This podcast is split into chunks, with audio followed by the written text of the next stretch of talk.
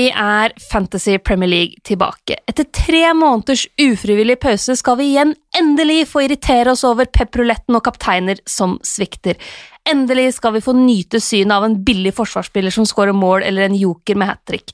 Det blir en hektisk og kaotisk fantasy-sommer, men én ting er sikkert, det kommer til å bli fryktelig moro. Og med meg i dag så har jeg Premier League-kommentator og fantasy-nerd Peder Mørtvedt. Velkommen skal du være. Tusen takk for det. Fryktelig deilig endelig være tilbake, snakke om fotball, og ikke minst Premier League, da, som jeg har venta lenge på nå. Ja, for Hvordan kjennes det egentlig nå? Nå er, nå er det altså tirsdag, dagen før dagen. Eh, er det sommerfugler og kribling? Ja, kjempespennende. Det er jo det. Jeg har jo vært eh, heldig og fått lov til å jobbe litt med fotball de siste månedene. Først eh, med å kommentere litt færøysk fotball, og så spansk nå de siste dagene. Så det begynner liksom å komme tilbake igjen, men det er klart Få sitte i tilskuerposisjon i morgen når Premier League sparkes i gang, det gleder jeg meg veldig til. Ja, og vi har jo savna det voldsomt. Det er litt sånn når Altså, du veit ikke helt hvor, hvor glad du er i noe før du blir borte. Det er jo et, eh, en ting som man ofte sier, men jeg visste vel egentlig på forhånd at jeg var ekstremt glad i fotball og Premier League, så det var ikke noe stort eh, det var ikke noe stor overraskelse for meg at det ble tungt da det var borte noen måneder. Men jeg savna det enda mer enn det jeg trodde jeg skulle gjøre. Altså jeg tenker at nå er Jeg jo, jeg har liksom bikka 30, jeg er jo voksen. Eh, så en ting er om dette her hadde skjedd da jeg var kanskje 13-14, da. Men jeg hadde tenkt at ok, nå er jeg et voksent menneske som bør kunne klare meg uten fotball en liten stund. Men nei da. Nei da. Eh, det, var, det var blytungt. Det har vært eh, tungt eh, for mange, men det har jo vært en anledning til å bli kjent med barna mine, som de pleier, pleier, å si, de fotballspillerne. Så det har jeg fått anledning til. Prøvd å kaste meg inn i e-sportens verden. Var akkurat så dårlig som jeg visste jeg kom til å være, og har i det hele tatt ja, sett mye på at kjæresten min har lagt puslespill. prøvd å henge meg med, irritert meg over at jeg ikke er god til puslespill som det viser seg at det går an å være. Så det er eh, det blir godt å, å, få i gang ordentlig fotball igjen.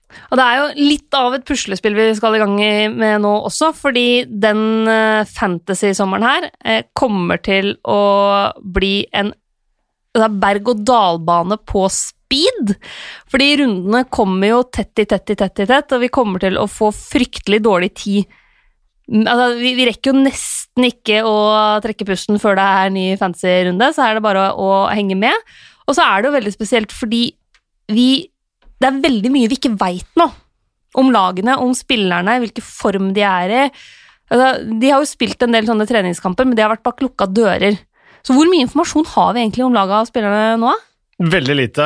Det er mitt inntrykk, i hvert fall. Jeg veit ikke hvem som er eh, skada, hvem som sliter med småproblemer, hvem som har sett friske ut på trening.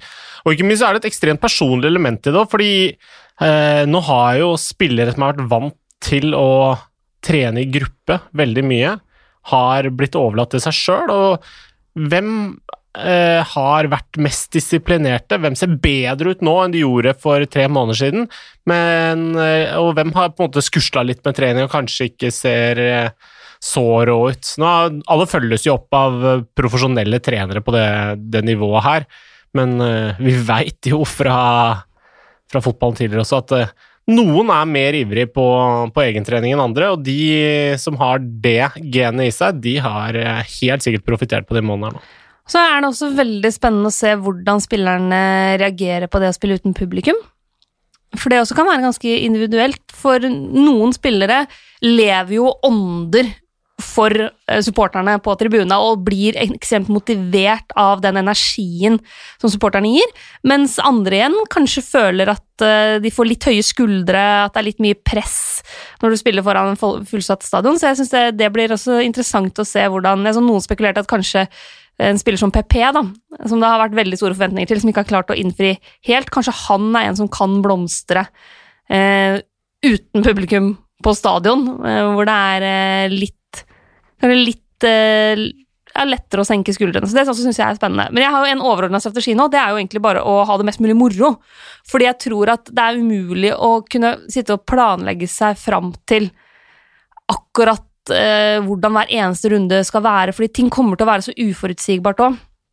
Og vi kommer sannsynligvis også til å få en del småskader, og vi kommer til å få enormt mye rotasjon. Så jeg tror jeg skal tenke mest mulig på å ha det gøy, og minst mulig på at eh, altså, Det går ikke an å ta de perfekte valgene hver runde.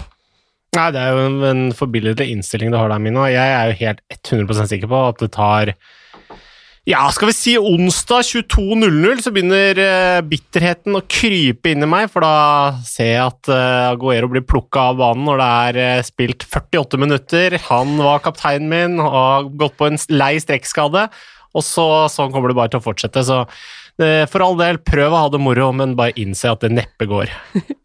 en kjempeinnstilling. Eh, men la oss ta, starte der, da, med, med, runde 30 pluss, som det heter eh, inne på spillet. Det er jo da en dobbeltrunde som eh, starter ballet, og da er det altså Aston Villa mot Sheffield United og Manchester City mot Arsenal på onsdag. Og så resten av kampene fredag og lørdag og søndag og mandag.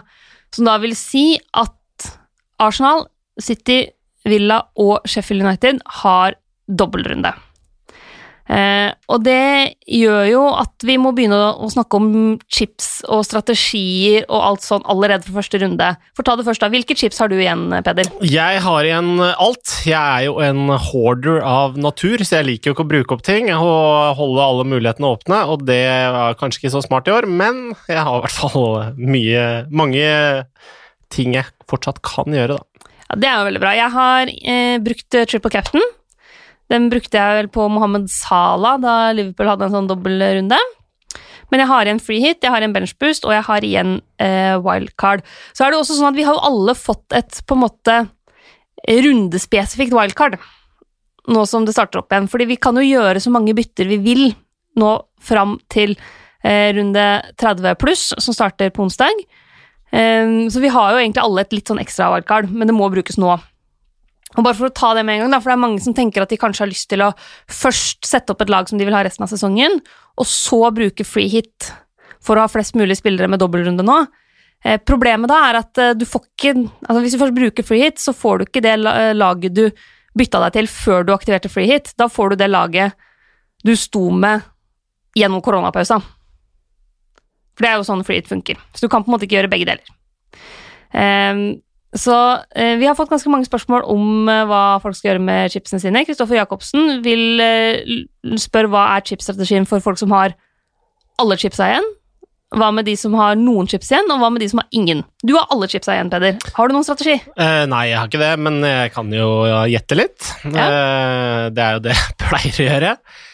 nå er det vel sånn at denne runden i utgangspunktet er den eneste dobbeltrunden som ja. skal være, og da er det jo naturlig å tenke at uh, prøve å få på en kaptein eller en, uh, en benchboost kan være, være, en aktuell løsning. Så en triple captain, kanskje på en City-spiller, eh, er jo en mulighet, men da er det jo rotasjonenes konge som bestemmer hvem som skal spille, og det er klart, flere innbytter og Eh, tøft kampprogram. Det, det, inviterer vel ikke akkurat uh, Pep Guardiola til å spille med de samme elleve hver gang. Nei, fordi en Pep Guardiola som plutselig har fem bytter istedenfor tre bytter, som han kan bruke, betyr jo altså, Han må jo synes at det er kjempegøy, men det betyr jo at vi sikkert kommer til å se mye kreative startoppstillinger og mye kreative bytter framover.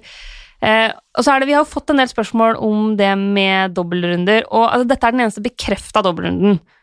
Men det kan jo selvfølgelig skje ting som gjør at du får nye dobbeltrunder. Det er jo fortsatt sånn at eh, FA-cupen etter hvert skal rulle og gå igjen. Og så er det jo det at hva, hva om spillere på ett lag viser seg å være smitta av korona og må i isolasjon, sånn at kamper blir utsatt og må tas igjen seinere. Så det finnes jo en, en, teoretisk sjanse for at vi får nye dobbeltrunder, men jeg tror at det er lurt å tenke vi veit hva vi har og ikke hva vi får. Eh, og at man bør, hvis man har chips, så bør man bruke én av dem her. Og triple captain, selvfølgelig kjempeaktuell. Eh, enten på City-gutta eller kanskje på Aubameyang.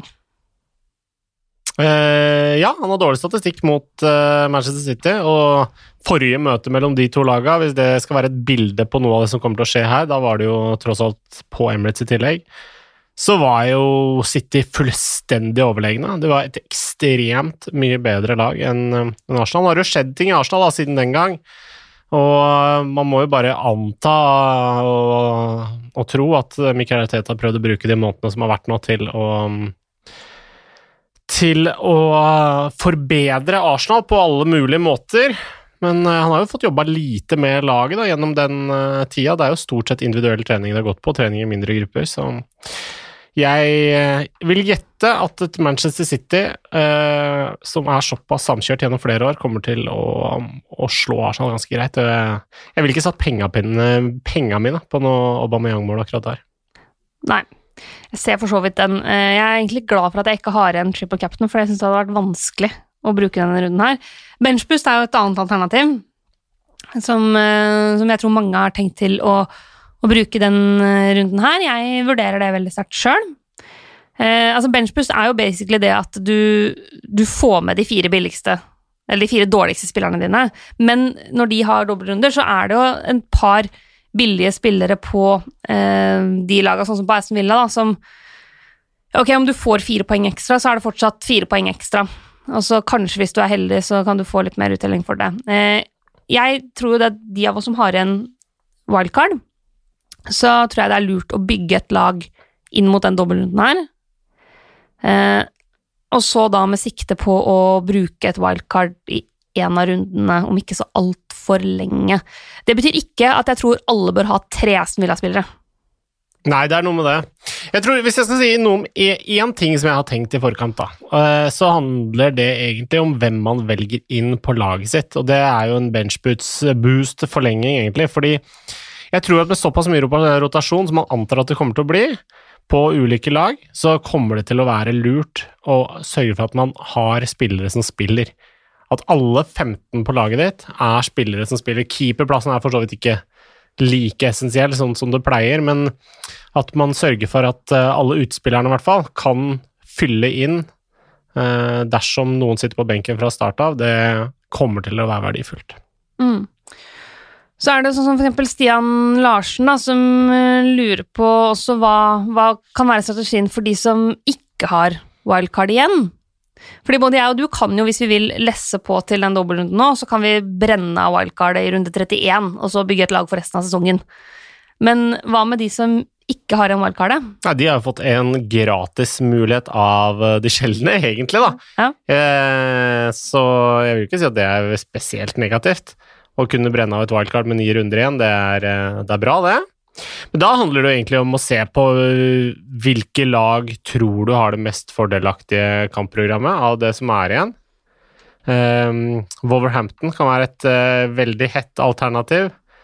Uh, Liverpool, selv om de trolig blir seriemester snart, uh, er jo et lag som bare vinner og vinner. Altså, da gjelder jo det samme som det stort sett gjelder ellers. Få tak i spillere som spiller fast for de lagene som vinner mest. og jeg tror um, det er uh, det er bare uh, en, en, fordel å ha fått et uh, ekstra wildcard nå. Ikke vær redd for at du ikke kan brenne ett til om tre runder. Det er jo ikke normalen, det.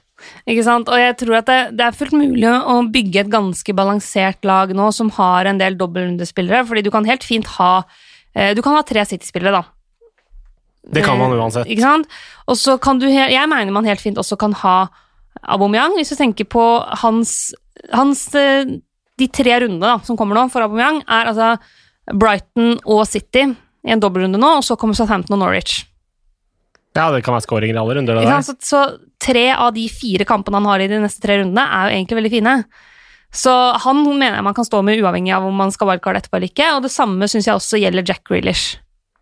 Definitivt. Uh, Grealish må også kanskje spille litt for framtida si. Han er jo den mest populære karen er vel den som har bytta inn uh, inn mest i denne wildcard-runden her av samtlige spillere. Ganske klart foran uh, nestemann også, så han er et, et populært valg blant dagens fantasy-spillere. Og så syns jeg også at man helt fint kan lesse på med et par Sheffield United defensivt, selv om man ikke har en wildcard. At man kan tenke at man lever helt greit med å ha to Sheffield United-spillere også et par kamper framover, selv om de har noen tøffe kamper, så har de vært såpass sterke defensivt eh, at det er ikke krise. Nei, Lundstrøm eh, kan vi jo dra fram igjen. Da. Han er jo gått ned noen uh, tideler siden han var på høyden her. Forsvant jo litt ut av laget, ut av startoppstillinga når Sander Berge kom inn. Men så sies det at han uh, Skårer mål i treningskampene nå og er uh, Svarte jo på den vrakinga veldig bra, blant annet på å komme inn og bli matchvinner i en match. Sånn at uh, Lundstrøm er kanskje tilbake igjen for de siste, siste ukene her. Ja da, og det, som sagt, vi har ikke fått sett noen av disse treningskampene, men basert på rykter på Twitter, så har han vært målfarlig. EA Skage på Instagram spør om følgende mulige chipstrategi, og det er eh, all in på dobbeltrunde nå i, i runde 30, free hit i runde 31 og wildcard i runde 32. Er det et reelt alternativ? Og jeg sier ja, jeg syns det er et reelt alternativ. Jeg vurderer det sjøl, å liksom kjøre pang, pang, pang inn mot dobbeltrunde eh, nå. Og så wildcard i neste runde, fordi i runde 31 eh, Eller 40 ja, Jeg går litt i sur på navna på rundene, må jeg ærlig innrømme, fordi de heter eh, ja, dette med 31 pluss og sånn, men i er 31 pluss, da, så har Tottenham kamp hjemme mot Westham. Eh, Liverpool har hjemme mot Crystal Palace. City spiller borte mot Chelsea, så da kan man egentlig fjerne et par av de City-spillerne som man, har- har lessa opp på. Og Sheffield United spiller borte mot Manchester United, så da går det også an å liksom avløse de. Men Wolverhampton har hjemme mot Bournemouth, som er en veldig fin kamp. Eh, Arsenal eh, har da borte mot Southampton, så jeg syns det er liksom flere lag som har en ganske fin kamp i den runden der. Og så kan man eventuelt da få tilbake laget sitt i 32, og så eh, wildcard etter det. Ja, for å sitere en av mine yndlings-TV-serier, Treat Yourself.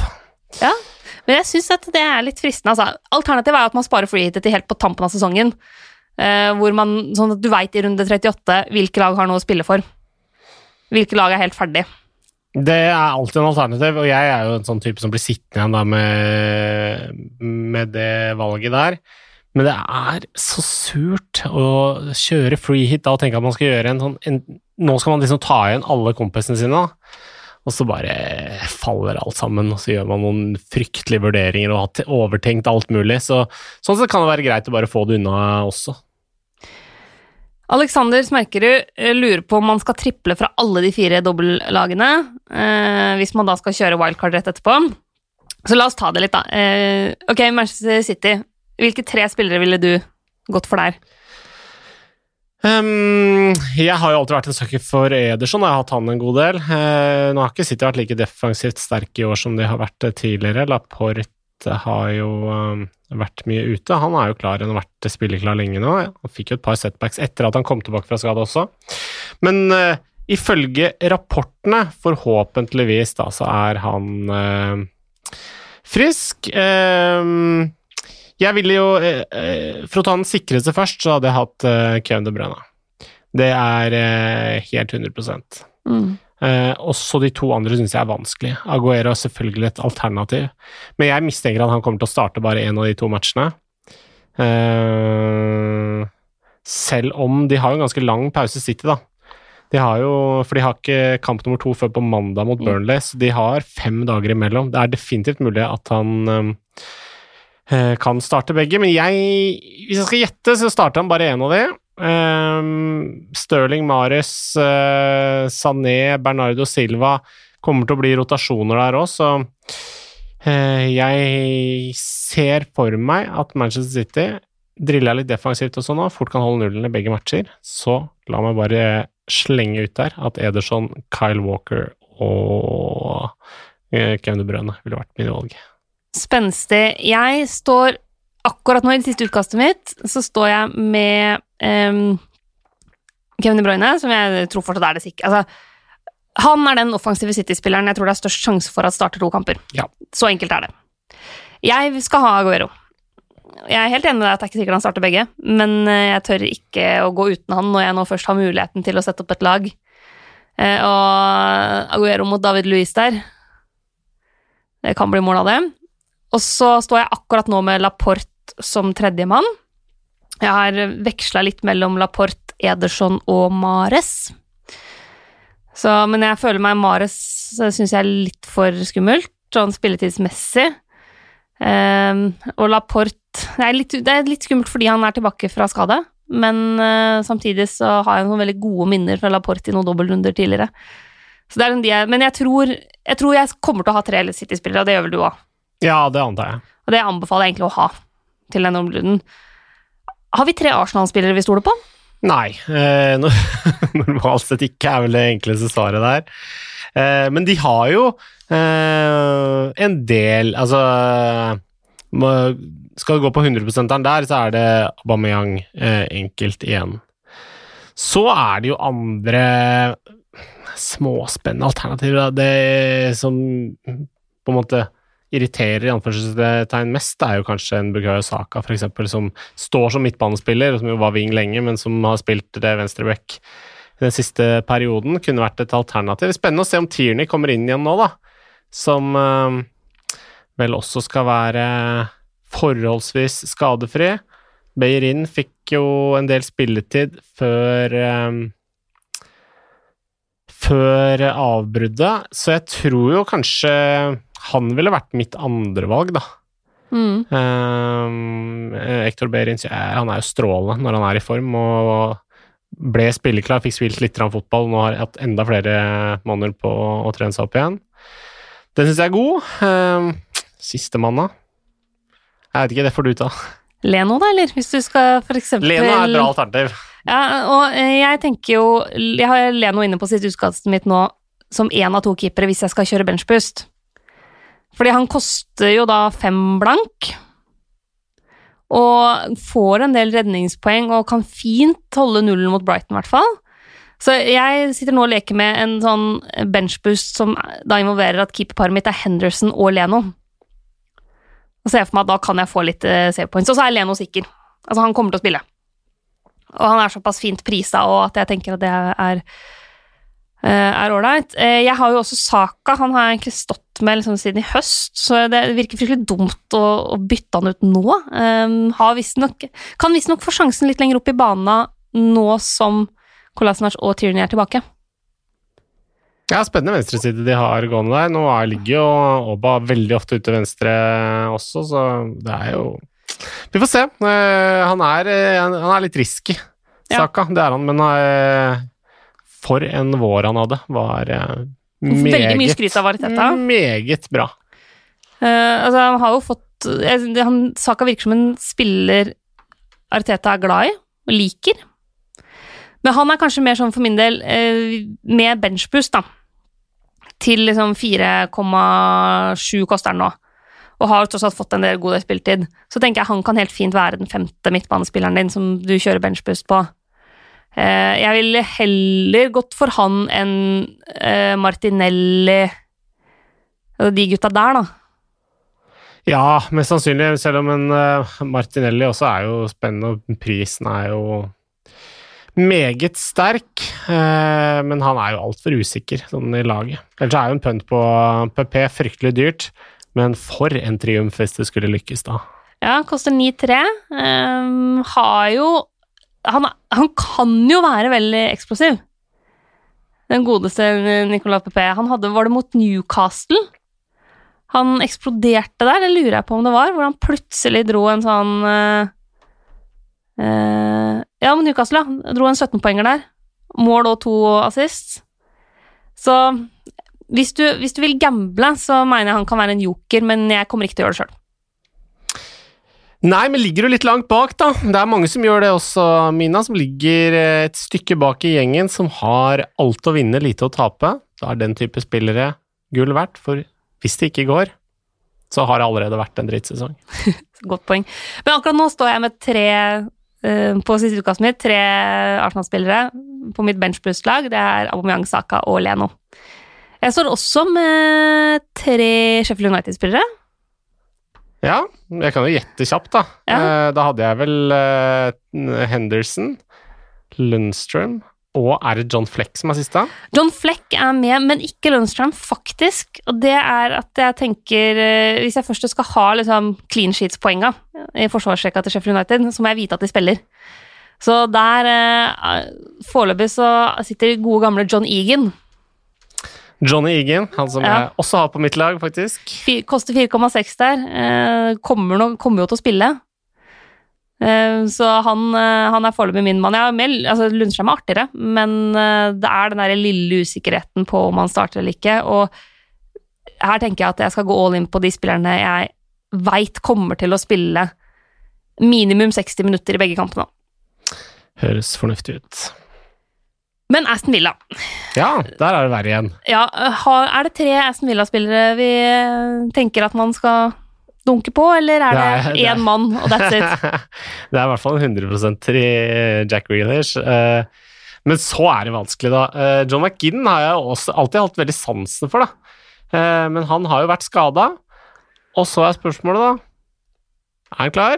Hvor Ja. klar er han i tilfelle? Og kommer han til å spille mye? Eh, Der, det er jo en eh, Det neste sånn, Hvis alle s- er skadefri, så ville han vært den, den neste på min liste. Og så er de så shaky defensivt, at jeg tør ikke ha verken keeper eller eh, forsvaret derfra, og da er det ja Samatta, som er vel alternativet uh, framover. Wesley er vel skada, og da er eh, den nyankomne eh, det mest sannsynlige alternativet. Han har jo skåra ett mål på de få matchene han fikk spille før eh, alt stengte ned. Tanzanias beste fotballspiller noensinne. Jeg er jo veldig svak for Samata. Eh, Fulgte han jo en del i Belgia. Syns han er en herlig fyr. Jeg, for de som følger oss på Instagram, så jo at jeg la ut et sånn utkast til et lag her da jeg annonserte podkasten. Det, det var litt mye i Møllerstrand. Der hadde jeg dunka på med alt av double game week-spillere, så det var ikke helt seriøst meint. Men der er jo både McGinn og Samatta inne. Kommer ikke til å gå for det, men det er klart altså, eh, Jeg tror det er lurt å velge spillere fra Altså nøkkelspillere fra lag som har mye å spille for. Aston Villa har definitivt mye å spille for. Altså, de har jo ikke råd til å spare eksempel Grealish i veldig mange kamper, fordi han er så viktig for dem. Og de, de må eh, ha han med om de skal klare å, å redde seg unna nedrykk, da. Så jeg tror egentlig at Aston Villa kan være et lag det er verdt å kikke litt på. Men jeg tror det er for tidlig for McGinn, sjøl om han eh, var fryktelig artig i høst. Så kan Samatta kanskje bli en joker etter hvert, men foreløpig så er det kun Grealish som er inne hos meg. Jeg er for, altså Pepe Reina er jo et alternativ. Men keepersituasjonen i Aston Villa er ganske uklar. Den er veldig uklar. Så lenge heaten er ute, så er det vanskelig å si hvem som kommer til å stå der. Håper jo selvfølgelig alltid at det er Nyland, det er jo, eh, men det er jo ikke jeg som tar den beslutninga. Det er jo dessverre noen helt andre. Så eh, vi får se. Det, der også kommer det til å ha kan dynamikken ha endra seg i løpet av noen måneder? Man veit det rett og slett ikke. De har spilt noen treningsmatcher. Kanskje tenker at det er et ganske åpent spørsmål hvem som skal stå i mål. Det er eh, rett og slett fryktelig uklart. Og verdt å huske på at Pepe Reina fikk jo en skikkelig omgang. Eh, altså han, han har jo hatt korona og blei ordentlig, ordentlig dårlig. Han har jo snakka om det sjøl òg, at det var, liksom det var skikkelig skummelt. Eh, og jeg veit jo ikke hvordan det påvirker. Det er jo en stund siden han var sjuk, det var vel i mars eller noe, men jeg, og jeg- jeg veit jo veldig lite om hvordan Altså seinvirkninger av å ha vært skikkelig koronadårlig for en toppidrettsutøver. Ja, det sies jo mye om det. Nå trenger ikke vi å gå inn i det medisinske, men det er jo mange som har slitt eh, lenge etter eh, sykdommen. eh, Definitivt. Så det, det er alvorlige greier. Så vi får håpe det har gått så bra som mulig med han. Men som du sier, det er vanskelig å, å sitte her og vurdere når man ikke får noe spesielt informasjon fra klubbene. Men det gjør at jeg tror jo at hvis man skal kjøre benchboost, så er en kombo med altså Den komboen Henderson-Leno eh, er hakket billigere enn Ederson pluss en av de to. Eh, Men jeg tror jeg i hvert fall foreløpig styrer unna Pepereina. Så har vi fått noen veldig sånn konkrete spørsmål som vi kan utkvittere òg. Magnus Kleppa lurer på om uh, Lys Mosé eh, er aktuell for eh, double week. Ja, jeg er jo veldig svak for Luis Mosé. Jeg syns han eh, fikk gleden av å, å kommentere noen matcher eh, onsite, og det, han er råsterk i kroppen og veldig bra, altså, men det er jo veldig lenge siden han skåra mål. da. Han ble på en måte litt og litt mer marginalisert i det der Sheffield United-laget. Men det som er litt gøy, da um, Aston Villa og Sheffield United er begge nyopprykka. Uh, spilte mot hverandre i fjor. 3-3 i det oppgjøret. Billy Sharp med hat trick.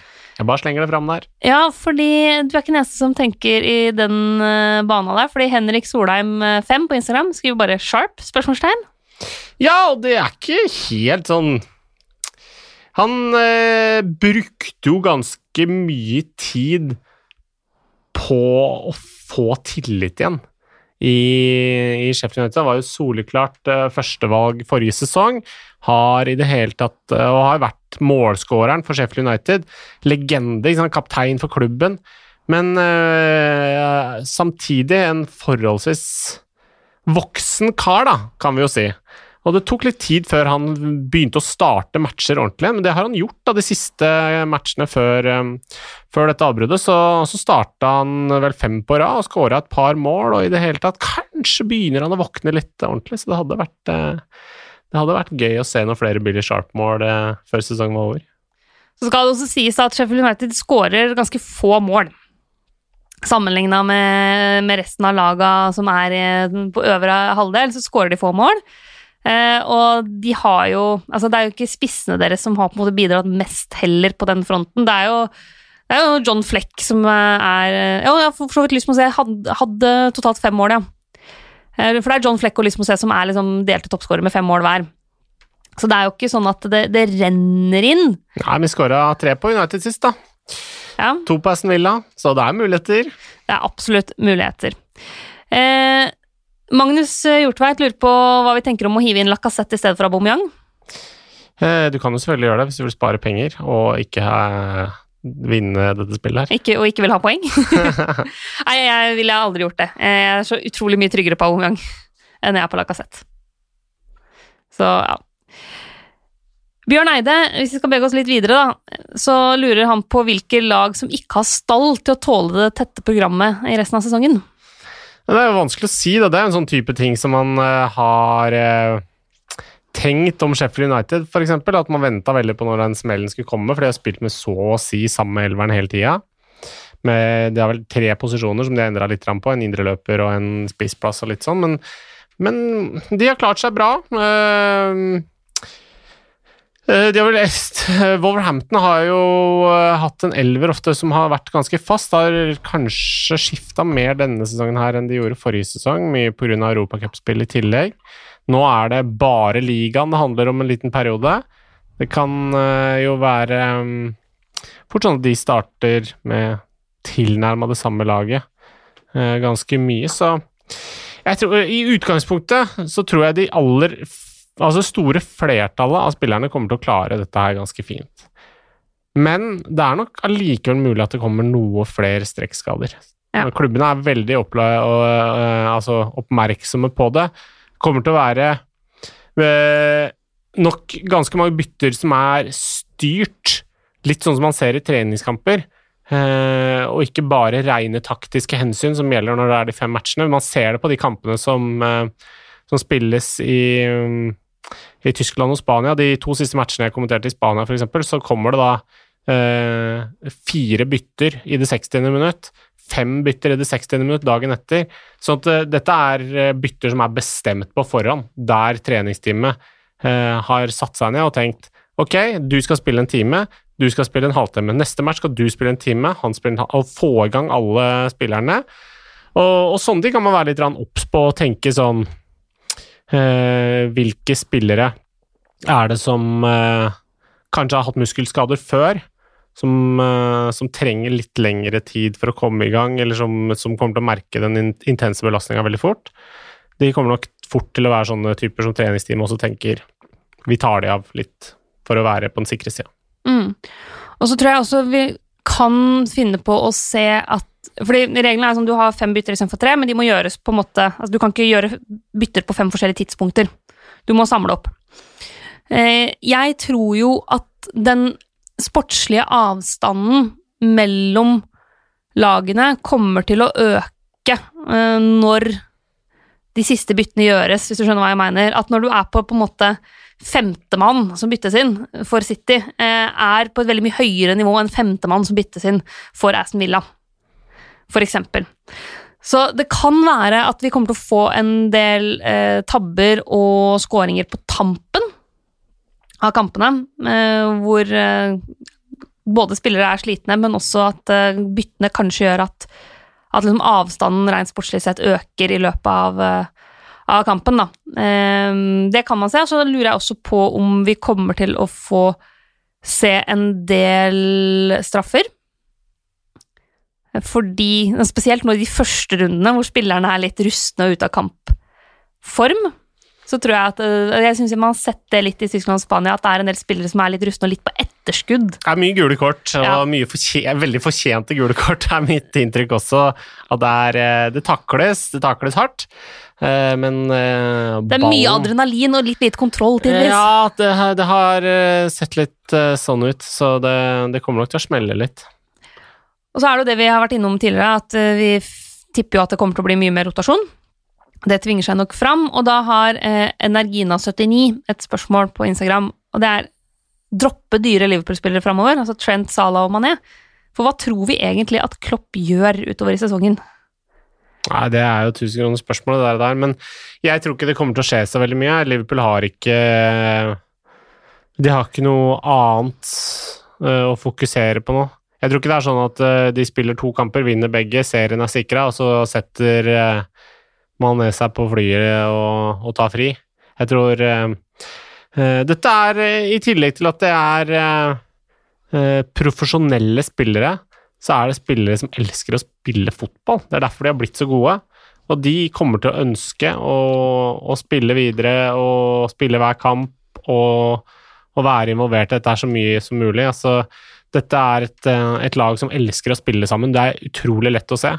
Så eh, at de skal bare eh, legge seg ned når uh, seriegullet er sikra, det har jeg ingen tro på.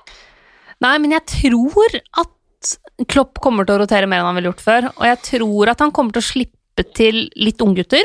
Ja, det kommer nok til å komme noen flere altså, Jeg tror at startoppstillinga kanskje i stor grad kommer til å være lik, men jeg tror nok at det, det kommer til å eh, Altså Harvey Elliot og den typen spillere kommer til å få litt mer sjanser eh, og litt flere minutter enn det ville fått ellers.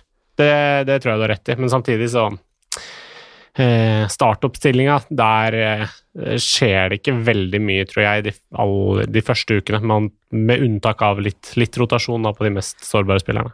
Og kanskje gi litt mer spilletid til spillere som har måtte være mye benk denne sesongen her. Altså, da tenker jeg Minamino, for eksempel, da. Som jo kom inn i januar og enda ikke har fått på en måte satt sitt preg på laget i noe særlig grad. Shakiri, når han blir helt skadefri. Eh, kanskje type Keita, Lalana Altså spillere som også Klopp har lyst til å, å holde i godt humør, da og la få litt mer tid enn det de ville hatt ellers. Og så tror jeg at vi kanskje kan se et skifte litt uti juli. Eh, fordi hvis det er sånn at eh, neste sesong starter i løpet av august, så vil jo Liverpool ha en kjempefordel hvis eh, de kan stille 100% uthvilt med liksom Salah, Mané, Firmino, Trent og co., mens alle andre laget har måttet gi bånn gass hele veien inn eh, i sesongen, og i tillegg har Champions League, Europaligaen, altså de turneringene der som også skal spilles ferdig. Så, det, ja, så jeg ser for meg at kanskje de siste kampene i slutten av juli der. Men det er vanskelig å si, eh, og vi må bare vente og se, egentlig. Det har jo vært sånn i mange måneder nå. Eh, Det er veldig vanskelig å planlegge livet generelt sett. Og sånn er det nok litt for de managerne også, der de, de, tar, eh, de tar nok en god titt framover og ser på hva som skal komme, men samtidig er de nok veldig klar over at her kan det skje endringer, og at ikke alt er like lett å forutse. Trond Arve Tønnesen lurer på om vi kan eh, drøsse litt om hvilke spillere som man kan ha på et diffelag. Hvis man ligger 100 poeng bak i venneligaen og står i fare for å måtte kjøpe en kasse Asina eller to til kameraten, og dermed må ta litt sjanser. Han har sjøl da notert seg Kane, Rashford, Pogba, Keita, Sané, sånn. Altså vi skal tenke jokere nå i sesonginnspurten. Eh, og Kim Pedersen lurer også på hvilke hvem har kommet tilbake fra skader som er viktige poengplukkere. Og la oss starte med kanskje Kane og Hongmin Son, da. Eller Tottenham generelt, Ja, som får tilbake mange viktige spillere. Og kanskje viktigst av dem alle, Hongmin Son og Harry Kane. De møter United i første kamp, så jeg mener at man kan bruke den til å se han litt. Og så har de, etter United-kampen, så har de Westham, Sheffield United, Everton, Bournemouth, Arsenal, Newcastle, Leicester og Crystal Palace resten av sesongen. Ja, det er jo alle muligheter ligger jo til rette for at uh, Tottenham kan få en fin sesongavslutning, og de har jo uh, Det er sånn man må gni seg litt i øyet, fordi man tror at Tottenham uh, Det har vært så rotete sesong, og det er så langt bak og sånn, men samtidig så Altså, Champions League er godt innafor rekkevidde for Tottenham fortsatt. De har alt å spille for, og I tillegg til de spillerne der, som, jeg, som er sånn opplagte fantasyvalg, så er jeg jo veldig spent på eh, hva som eh, kommer til å skje med en Dombele, og hvordan han kommer til å se ut når den sesongen er sparkes i gang. Fordi han er jo en, type midtbanespiller som man nesten ikke har i Premier League. Ekstremt eh, driblesterk og kan gå av folk og er en fest å se på. Men eh, den første Premier League-sesongen hans har jo vært alt annet enn en dans på roser, så det blir eh, Jeg håper at den ekstra treninga han har hatt med Mourinho, virkelig har eh, hjulpet, og at vi får se han i full blomst når eh, det sparkes i gang igjen. Ja, det hadde vært veldig gøy. Og så må jeg si at den eh, Hong Min Son er nå eid av 5,3% koster 9,7 har eh, ikke ligget på latsida i løpet av pausa, for han har nemlig avtjent eh, verneplikta i Sør-Korea, så han er i toppform og spillesugen. Og det å ha han i de kampene mot liksom Westham og Bournemouth og Everton og sånn der, det lukter krutt, altså. Så ja, han. Eh, han står Kane, høyt på ønskelista mi. Kane også, eh, som jo er eh, en eh, målgarantist når han er i form. Endelig har han fått gått en lang periode eh, og virkelig fått pleia helsa. Det tror jeg han har hatt veldig godt av. Han har jo stort sett nesten spilt fast nå i, i flere år, og da er det eh, Det har nok vært eh, verdifullt. Heller ikke eid av altfor mange. 8,9 eh, as we speak, og det Harry Kane eh, kan være den diffen du trenger i venneligaen. Mm. Så er det jo også altså, Man nevner sjøl eh, Paul Pogba vei tilbake. Eid av 3,1 var i hvert fall det i går. Eh, der vil jeg vente og sette han, men hvis Pogba finner formen, så er selvfølgelig han et, eh, et veldig godt alternativ. Eh, Marcus Rashford vil jo være liksom førstemann på blokka hos meg av United-spillerne på vei tilbake fra, fra skade, men han er jo ikke en joker på samme måte, da, for han er det jo flere som har allerede. Leroy Sané vil jeg styrt unna inntil videre. Jeg er helt enig. Men samtidig er det ikke så Altså, 12,1% av Rashford, det er ikke så mange. Nei. Uh, strengt talt. 3% på Pogba, det er jo en uh, punt. Men det som er det, det største argumentet egentlig mot Pogba, det, eh, som jeg ser, er vel at det nå kan tyde på at det blir Bruno Fernandes som tar straffene. For Pogba har jo tatt en del straffer før, det var jo sånn han fikk mange av måla sine mm. forrige sesong. Uh, så um, han han sliter litt med akkurat det. Ellers så er jo han en strålende fotballspiller, så det hadde vært veldig gøy å ha tilbake. Men ellers så er det da spissplassen til Manchester United da med en Anthony Marcial, også eid av 12 ja. som kan være et aktuelt valg der, da. Ja, han, jeg har jo han i laget mitt nå, men kommer til å kvitte meg med han. Og det er litt fordi han er eh, Han har jo en del, sånn, hatt sånn, del sånn småskader. Og jeg bare ser for meg at det blir litt slitsomt med sommervarme og tett kampprogram. Eh, så jeg jeg tror jeg ville valgt Rashford over han, men jeg tror eh, første Altså hvis jeg skulle bare valgt én Manchester United-spiller, så ville jeg faktisk valgt Bruno Fernandes.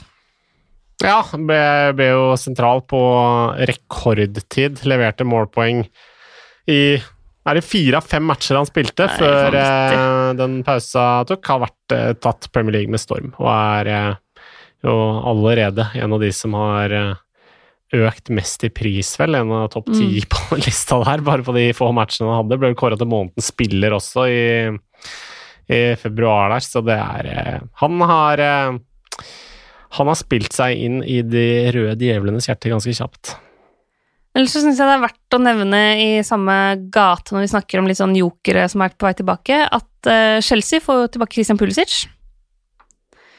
Uh, og Ruben Loftus-Cheek. Uh, det gjør jo at de har fryktelig mange alternativer. Tammy Abram også sannsynligvis klar. Men jeg syns Christian Pulisic uh, koster 6,9 eid av 3,5% Jeg syns det er litt gøy. Det er gøy. Det er nok ikke er så lønnsomt som du håper på, men jeg, jeg, ser hvor du vil, og det er ikke så dumt. Jeg er jo mer Loftus-Cheek Syns jeg er spennende.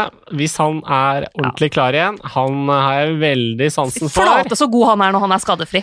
Herlighet for en fotballspiller. Ja, fantastisk. Ellers en, en annen kar da, som eh, var en, eh, en av mine favoritter forrige sesong, David Brooks, er Ja. klar igjen for Bournemouth. Det er veldig gøy. Han er min nummer én i, i Bournemouth nå, altså. Han har vært et stort savn for oss, sa Josh King når han snakka med Brede Hangeland på Ullevål her for eh, en liten stund siden, og um, nå er han klar igjen. Så det Ja. blir gøy å se. Det tror jeg kan være et ordentlig løft for Bournemouth. Han er på blokka mi og liksom spillere jeg skal følge nøye med på. Han, er jo også, han er også eid av sånn 0, et eller annet prosent. Jeg tror 0,6 prosent i går, i hvert fall. Ellers vil jeg si altså, eh, Wolverhampton eh, ser bra ut, har et bra kampprogram. Skal nå ikke måtte rotere opp mot eh, Europa League. Eh, mange vil jo selvfølgelig velge Raúl Jiménez, naturlig nok. Men Diago Jota var i god form før pausa, eid av 8,8% og har i motsetning til Jiménez ikke en høygravid kjæreste som har termin i juli. Fordi Raoul skal bli pappa eh, i løpet av sommeren, så han kommer, blir jo sikkert borte i hvert fall én eller to, eller i hvert fall én kamp, da. Kanskje, men samtidig så har vi sett at det er mange som har skåra mye mål rundt fødsler. Eh, Den feiringa har gått varm. Til og med på Færøyene kom det en, en dobbel en, til og med hadde vi der i den ene matchen. Så der eh, Den har spredd seg. Og, men det er kanskje mange som har tenkt som deg, så Jimenez, eh, litt pussig kanskje, er en av de som er mest solgt Hmm. av, eh, av alle fantasy-spillerne. Så det er eh, det er mange som tenker som deg, at eh, han må være med på fødsel og ikke spille fotball. Ellers har andre sånn, spillere som er tilbake, som jeg tror kan være viktige, er faktisk Nathan Redman i Southampton. Fordi altså, det er ikke sånn at Han har jo ikke hatt et like langt skadeavbrekk som det David Brooks har, men jeg tror at det kan bli viktig for dem i innspurten. eh, Og eid av 0,6 Da er vi veldig i jokerland, men det er fullt mulig hvis man har lyst til å ta en gamble. Og så må jeg bare si, det laget Det er to lag som jeg tror kan kan være morsom å gamble på. Altså, hvis du treffer, så kan det bli veldig bra. Det er Watford. Har masse å spille for. Eh, Ismail Azar er kanskje den man er mest interessert i der. Deolofeo kommer tilbake i løpet av sommeren. Kan være spennende. Og så er det Westham. Fordi West Ham, i Westham så har du et lag som har spillere med enorme individuelle ferdigheter og så enkeltspillere med veldig høyt toppnivå, men som nå ligger midt i nedrykksstriden, og som virkelig har alt å kjempe for. Så jeg har, de offensive Westham-spillerne syns jeg er eh, ja, etter hvert litt spennende å se på, altså. Det er noen spillere der som eh, kan være interessante. Veldig, eh, blir veldig veldig interessant å følge med på den første runden og bare se noen alle startoppstillinger og tenke hvem spiller, hvem spiller. Ja. For der, eh, der også er det mange som eh, man ser for seg at kan gå inn og, og dominere litt hvis de er eh, ordentlig klare igjen. Og veit du hvem vi kanskje får se spille fotball igjen i sommer? Apropos Westham. Nei, du får si det, du. Jack Wilshere Ja, det er jo fantastisk. og Andrej Jarmolenko. Jarmolenko spesielt har jeg savna, og han er på min eh, shortlist over spillere jeg skal følge godt med på. Vi må ta noen sånne dueller eller dilemmaer vi har fått eh, tilsendt. Det ene er fra Ole Sivert Alsaker, som lurer på uh, Pukki eller King. Joshua King, Timo Pukki. Hvem ville du gått for? Josh King, enkelt. Han er, jeg har sett uh, Det lille jeg har sett på video riktignok av trening fra Ullevål, ser ut som en, en Josh King som er supertent på å vise at han er eh, ordentlig i form igjen. Og Nå spiller han ikke alltid på, rent på topp da, for, eh, for Bournemouth, men eh, han er meget bra og kommer til å spille en viktig rolle for Bournemouth i ukene som kommer. Ja, for eh, jeg ser den, men jeg ville i hvert fall starta med Timo Pukki, fordi eh, altså, det Norwich-laget er helt avhengig av at Pukki kommer i gang igjen eh, for å klare å overleve, og de har to hjemmekamper på de to første rundene. Da er de Southampton hjemme og Everton hjemme. Så de, de to kampene så tenker jeg at uh, da, det er litt sånn now or never uh, for Timo Pukki og co. Uh, men det blir veldig gøy å se Joshua King igjen også. Frode Frodern Priv, tror det er noe sånt nå, i hvert fall, på Instagram, spør Dominic Calvert-Lewin eller Danny Ings. Uh, jeg er Calvert Lewin uh, all. Danny Ings eh, er det mange som har bestemt seg for å cashe inn på nå. Eh, han har jo gått opp mye, har jo skåra mye mål. Eh, men er vel mest solgt. Jeg tror det er av alle spillerne på Elefantis, er det han som er mest transferred out denne runden her. Jeg syns Calvert Lewin er en strålende fotballspiller. Det har jeg vel sagt tidligere også, men han, det kan jeg gjenta. Han er en sånn moderne engelsk spiss. Altså sterk, ordentlig plage å spille mot, men er en dukkehostspiss allikevel som skårer mye mål. Så gressklipperen, den, uh, han blir hos meg. Ja, litt sånn De har litt delt kampprogram i sommer, fordi de møter på de fire første kampene så møter Everton Liverpool, Norwich, Leicester og Tottenham. Men så, på de neste Da blir det fem, så er det Southampton, Wolverhampton, Aston Villa, Sheffield United og Bournemouth. Så, så det vipper jo litt der, da, sjøl om det er ikke altså, Tidligere denne sesongen har det vært mye vanskeligere å skåre mål på Sheffield United enn det har vært å skåre mål på Tottenham. Uh, men etter hvert der så syns jeg Everton er interessante. Eh, Southampton skal jo møte både Arsenal og City og Manchester United, eh, men jeg er jo så glad i Danny Ings at jeg selvfølgelig ville valgt han av de to, fordi han er my boy Danny Ings. Star Wars Pictures eh, lurer på Alonso eller Docherty, eller begge. Han har òg. Eller hun har òg. Hvem ville du gått for av Alonso og Dohrti? Målskårerne i, i backrekka, det er eh, interessant nok å bli, holde på begge der. Men hvis du skal velge én, så hadde jeg valgt Dohrti, tror jeg. jeg tror Wolves har det beste programmet der. Og han er eh, veldig bra. Hadde jo en enorm eh, poengfangst på vei inn mot eh, denne koronaavbruddet. Han eh, plukka vel hva var det, 40 poeng eller noe på de, de siste Ja, fem det var noe voldsomt. Eh, Jeg også har Doherty inne på mitt siste utkast nå. Som en av de spillerne jeg har som ikke er eh, dobbeltspillere. Og jeg trygger også på plassen hans i laget enn jeg er på Alonso. Selv om Alonso spilte inn mot pausa, så er jeg fortsatt tryggere på, på Doherty.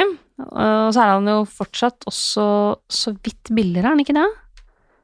Eh, Eller har han Fordi Doherty er 6,3. Nei, du, da Eh, Nå skal jeg google. Jeg har jo ikke prisen i huet lenger, nå som eh, Ja, Alonso 6,2, ja. Da har Doherty gått forbi Alonso, det var det jeg lurte på. Men fortsatt ville jeg det godt for Doherty.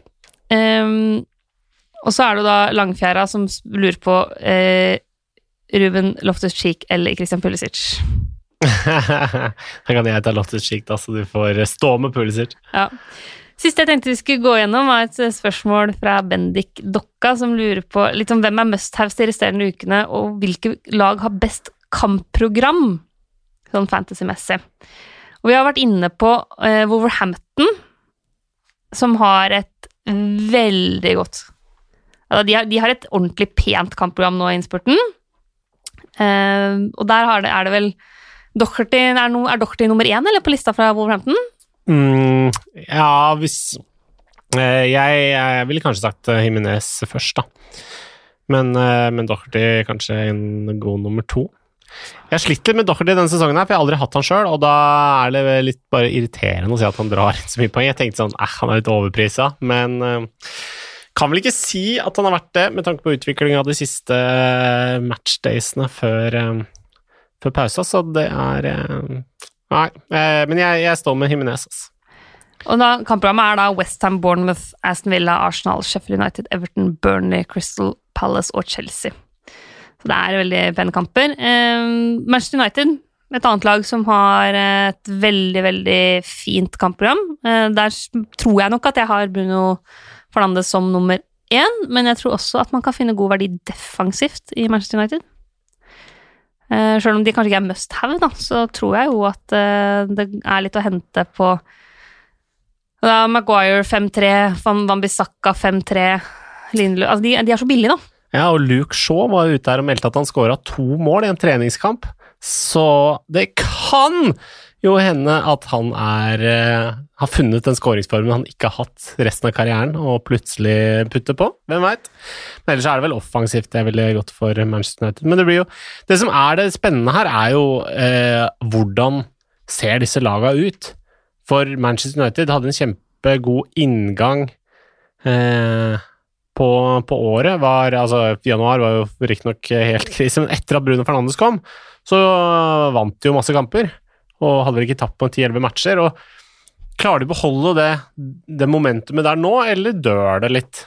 sånn som det har gjort i mange av de gode periodene de har hatt de siste par åra, eh, der de har vært bra i perioder, men så har det så det slakna igjen. Det, det er jo det som blir det store spørsmålet. og Det er derfor jeg syns også at det er vanskelig å si noe 100 sikkert om kampprogrammet.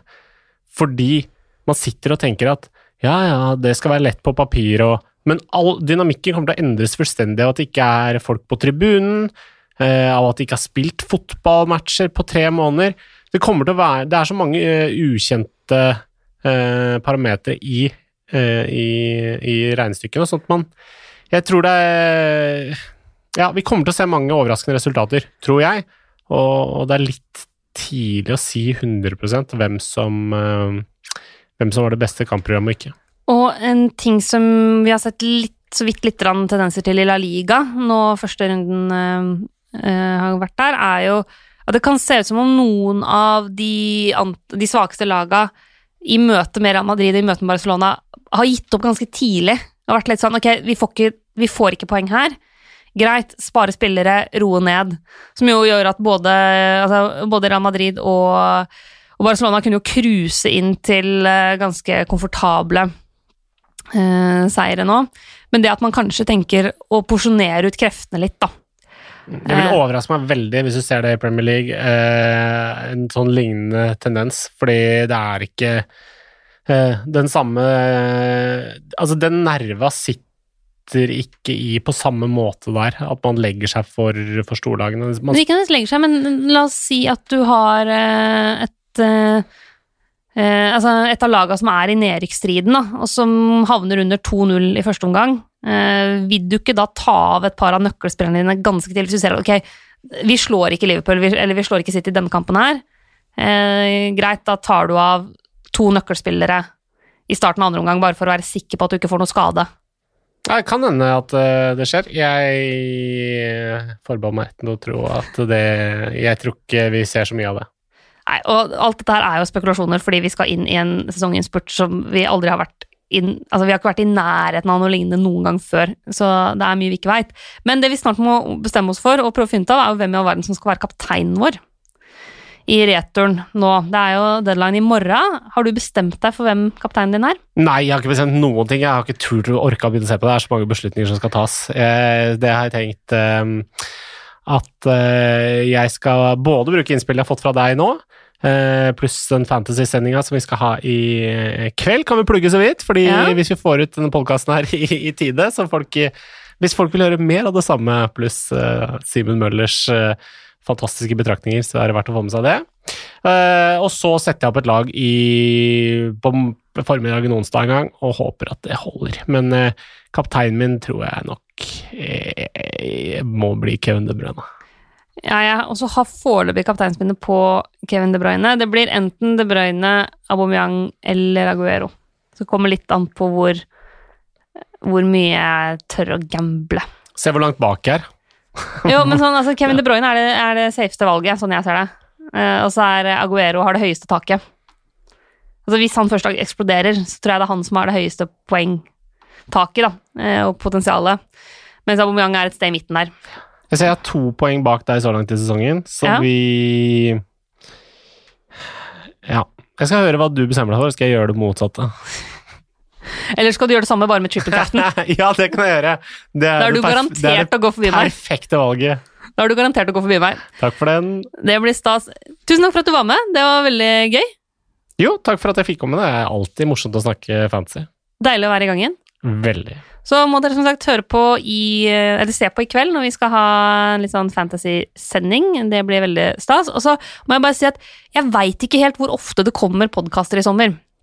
Fordi nå går det litt sånn slag i slag, og det tror jeg gjelder absolutt alle. Så jeg må se litt når det er eh, ledig for innspillingslokaler, og når det er ledig folk som kan være med meg og prate, og for så vidt når, når jeg er ledig òg, fordi det er ganske mange ligaer og mange kamper som skal dekkes. Men jeg skal gi tydelig beskjed i forkant når det kommer podkaster, sånn at dere får sendt inn de fantastiske spørsmålene deres. Vi snakkes! Ha det bra!